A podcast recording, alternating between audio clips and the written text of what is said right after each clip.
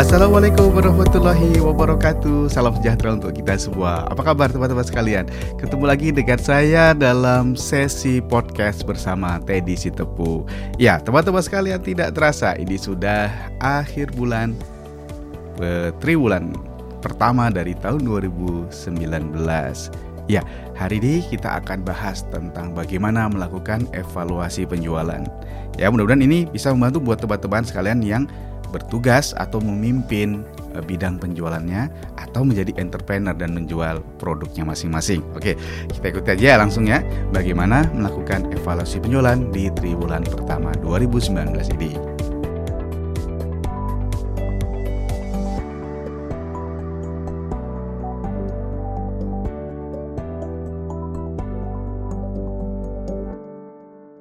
Ya, saya mau tanya dulu ke teman-teman, kira-kira bagaimana track penjualannya saat ini? Apakah sudah sesuai dengan rencana yang ya di awal tahun atau akhir tahun 2018 lalu kita sudah tetapkan?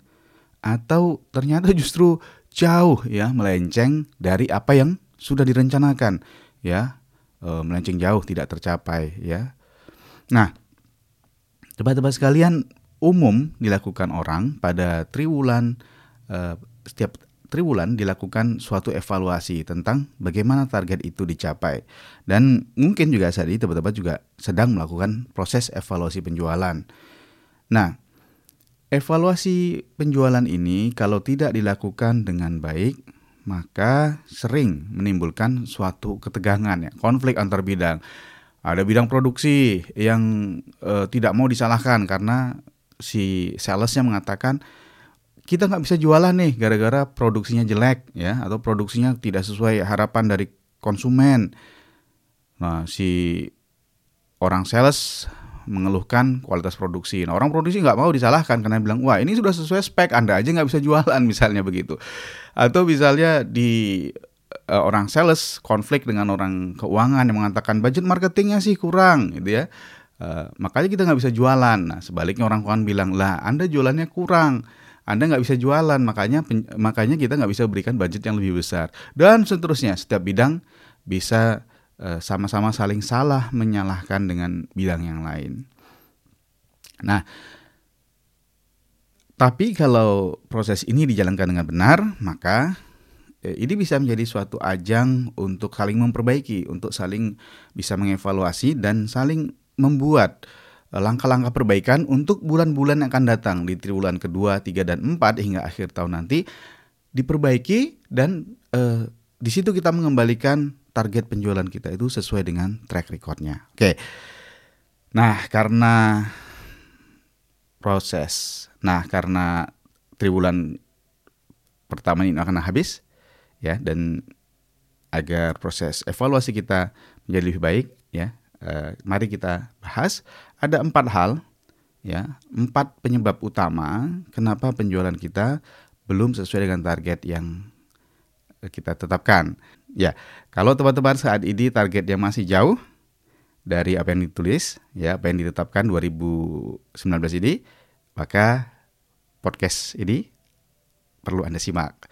Tapi kalau teman-teman sudah mencapai targetnya atau bahkan melampaui dari target yang ditetapkan, ya Anda bisa skip saja uh, podcast kali ini. Oke ya, kita bahas yang pertama kali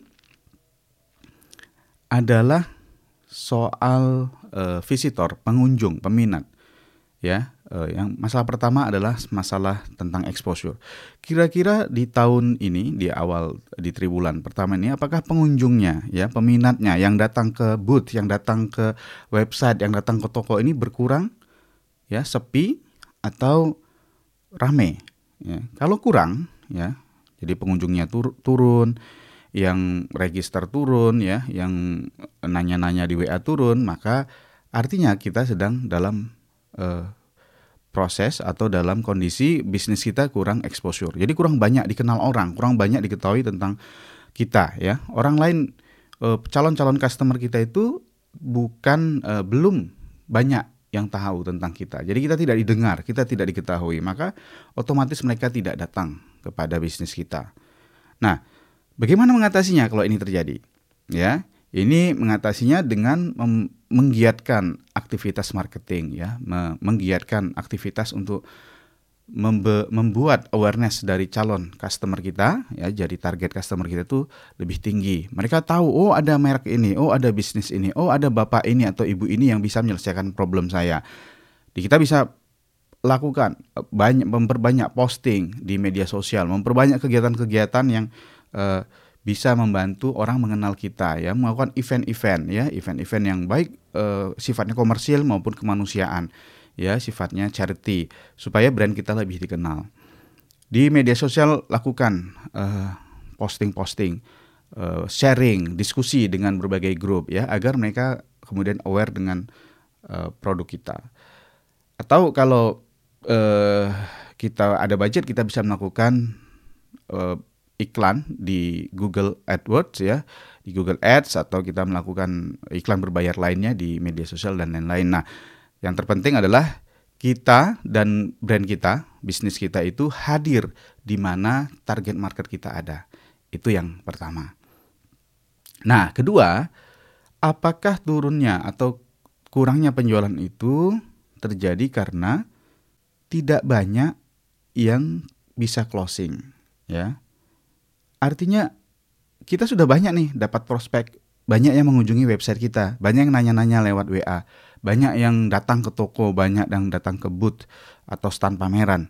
Tapi ternyata yang menjadi closing, ya, menjadi sales itu sedikit.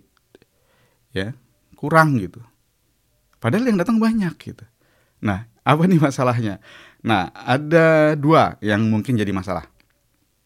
Yang pertama adalah mungkin kita ya sebagai kalau kita langsung terjun dalam proses penjualan itu atau tim kita ya yang e, di depan gitu ini kurang kompetensinya, kurang skillsnya dalam melakukan proses closing. Jadi kemampuan closing itu kurang.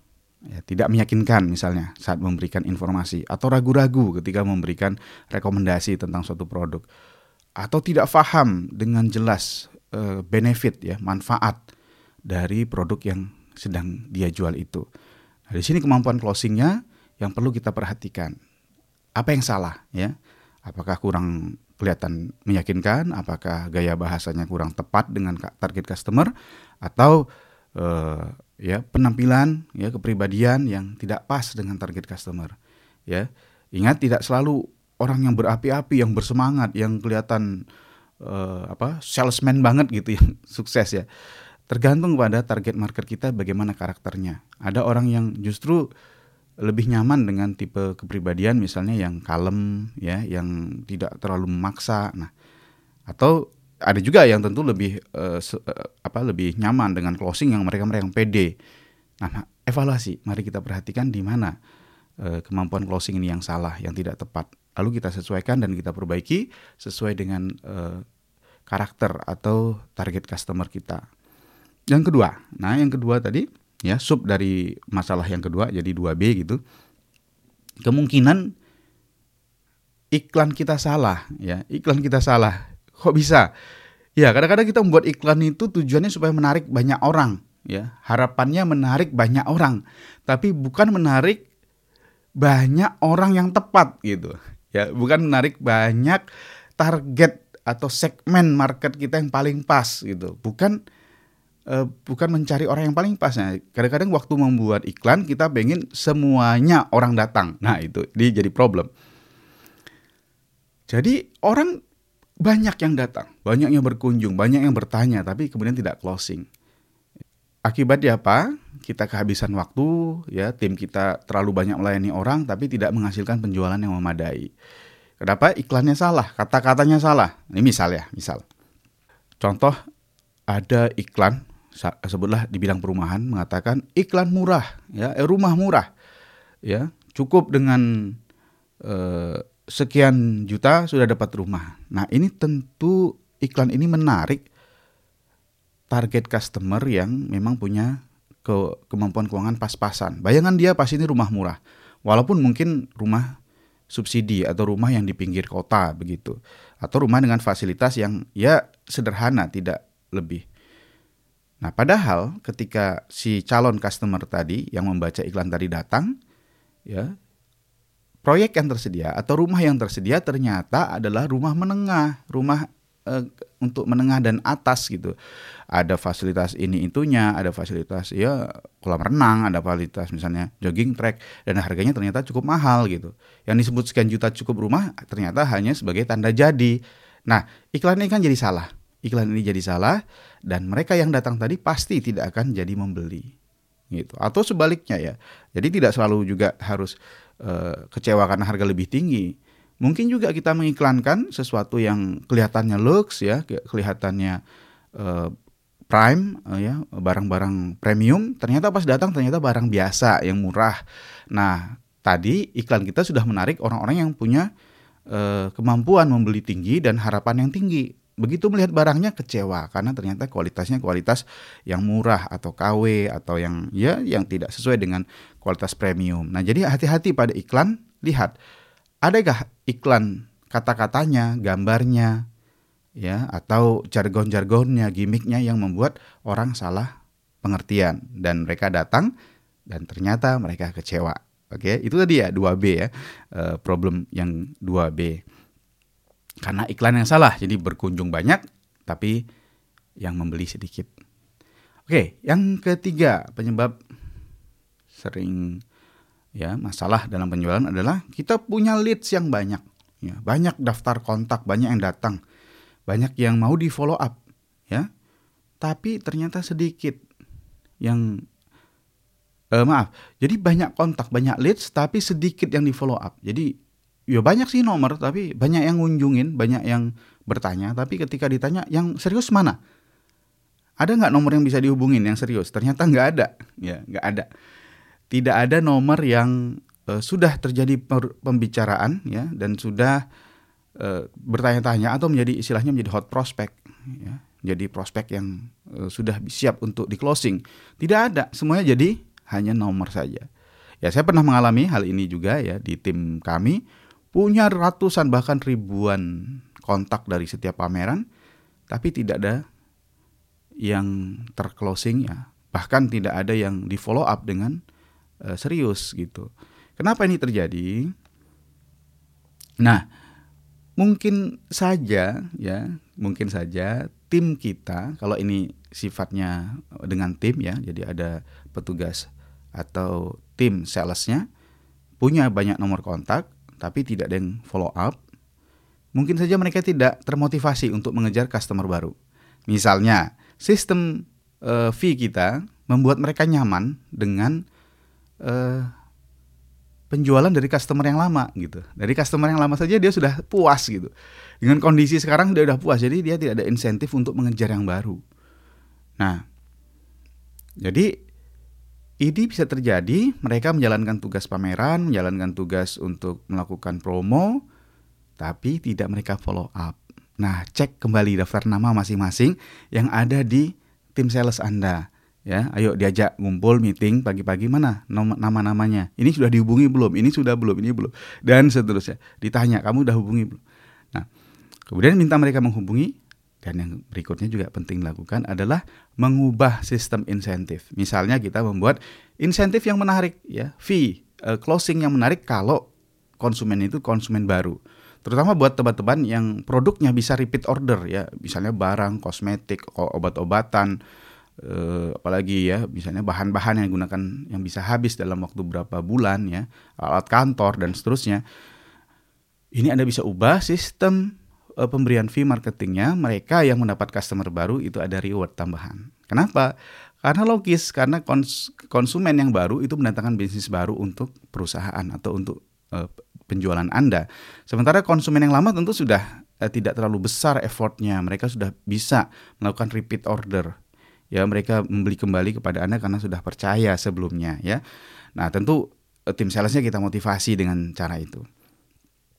Oke.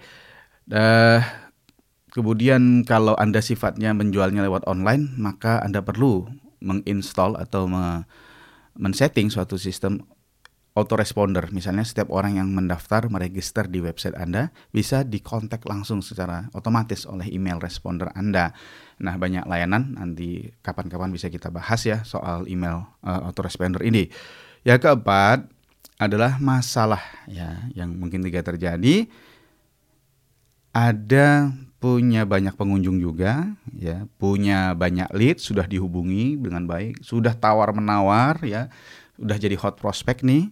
Nah, tapi di ujungnya gagal. Jadi nggak banyak yang beli juga gitu. Padahal sudah e, berkunjung banyak, sudah dilayani, menjadi lead, sudah menjadi hot prospect. Tapi kok nggak closing, kok nggak terjadi penjualan. Nah, coba dicek ya bagaimana e, proses ini, e, proses penjualannya, closingnya. Mungkin ada kesalahan di bidang uh, sistem, di bidang cara pembayaran sehingga ketika orang mau bayar nggak bisa ATM-nya rusak, lainnya mati, putus, registernya ngadat dan seterusnya. Atau juga ya um, kegagalan bisnis ini bisa terjadi karena uh, produk kita begitu dicek uh, salah ya, tidak sesuai dengan yang kita gambarkan di brosur. Begitu dicek misalnya ketika mau demo uh, gagal ya tidak sesuai dengan apa yang dijanjikan dalam brosur atau dalam uh, penawaran dari si marketing ya. Ini biasanya ada di internal nih prosesnya ya masalahnya. Masalah produk kita, sistem pembayaran kita ya atau alat-alat untuk melakukan sales ya, untuk melakukan penjualan ya. Sepele kadang-kadang formulirnya nggak ada, fakturnya tidak ada ya, stoknya nggak ada begitu. Ini sering terjadi dalam penjualan udah di ujung ya sudah perjuangan sudah dilakukan dengan uh, luar biasa di ujung malah gagal. Nah, kalau terjadi di tipe yang keempat ini, ayo dilakukan check and recheck di internal. Uh, semua tim dikumpulkan, dikoordinasikan, dicari, ya, ditelusuri di mana kegagalan itu terjadi dan apa sebabnya. Yuk, kemudian lakukan suatu langkah-langkah perbaikan ya di mana bisa kita perbaiki sistemnya, kompetensi orangnya supaya penjualan kita lancar ya. Jadi eh, ini nggak mungkin dilakukan oleh satu bidang saja, bidang penjualan saja misalnya gitu nggak bisa, tapi bisa harus lakukan dengan bagian produksi. Lakukan juga dengan bagian keuangan, dengan bagian perpajakan, dengan bagian pengiriman barang ya misalnya begitu. Bagian pergudangan. Nah, semua dicek ya karena kalau yang terjadi tipe keempat ini umumnya adalah masalah internal kita. Oke, nah itu eh, empat hal, empat yang mungkin yang menjadi masalah yang mengganggu penjualan Anda saat ini. Eh, kenali tipenya, kenali eh, ciri-cirinya, masalahnya, kemudian ayo dicari solusinya, dirembuk bersama dengan seluruh tim Anda supaya bulan-bulan yang akan datang penjualan Anda kembali kepada track yang benar dan nanti di akhir tahun ya akhir tahun 2019 ini target kita bisa tercapai. Oke, nah bagaimana teman-teman sekalian? Kalau teman-teman mendapatkan manfaat dari podcast ini, jangan lupa untuk melakukan subscribe ya dan berikan like dan juga please sharing kepada tim Anda, kepada mitra Anda, kepada uh, uh, anggota dari seluruh organisasi ya mungkin mereka perlu mengetahui tentang bagaimana uh, proses penjualan ini dengan baik. Atau anda mau share juga dengan teman-teman uh, di media sosial anda silahkan. Semoga ini bisa memberi manfaat ya. Dan uh, kalau ada pertanyaan please tinggalkan komen di platform ya media sosial SoundCloud iTunes di mana pun anda mendengarkan podcast ini. Please silahkan tinggalkan komen. Uh, kalau ada saran silahkan juga. Semoga bermanfaat untuk kita semua. Ya, sampai ketemu lagi di sesi podcast bersama Teddy Setupu yang akan datang. Bilahi taufiq Assalamualaikum warahmatullahi wabarakatuh.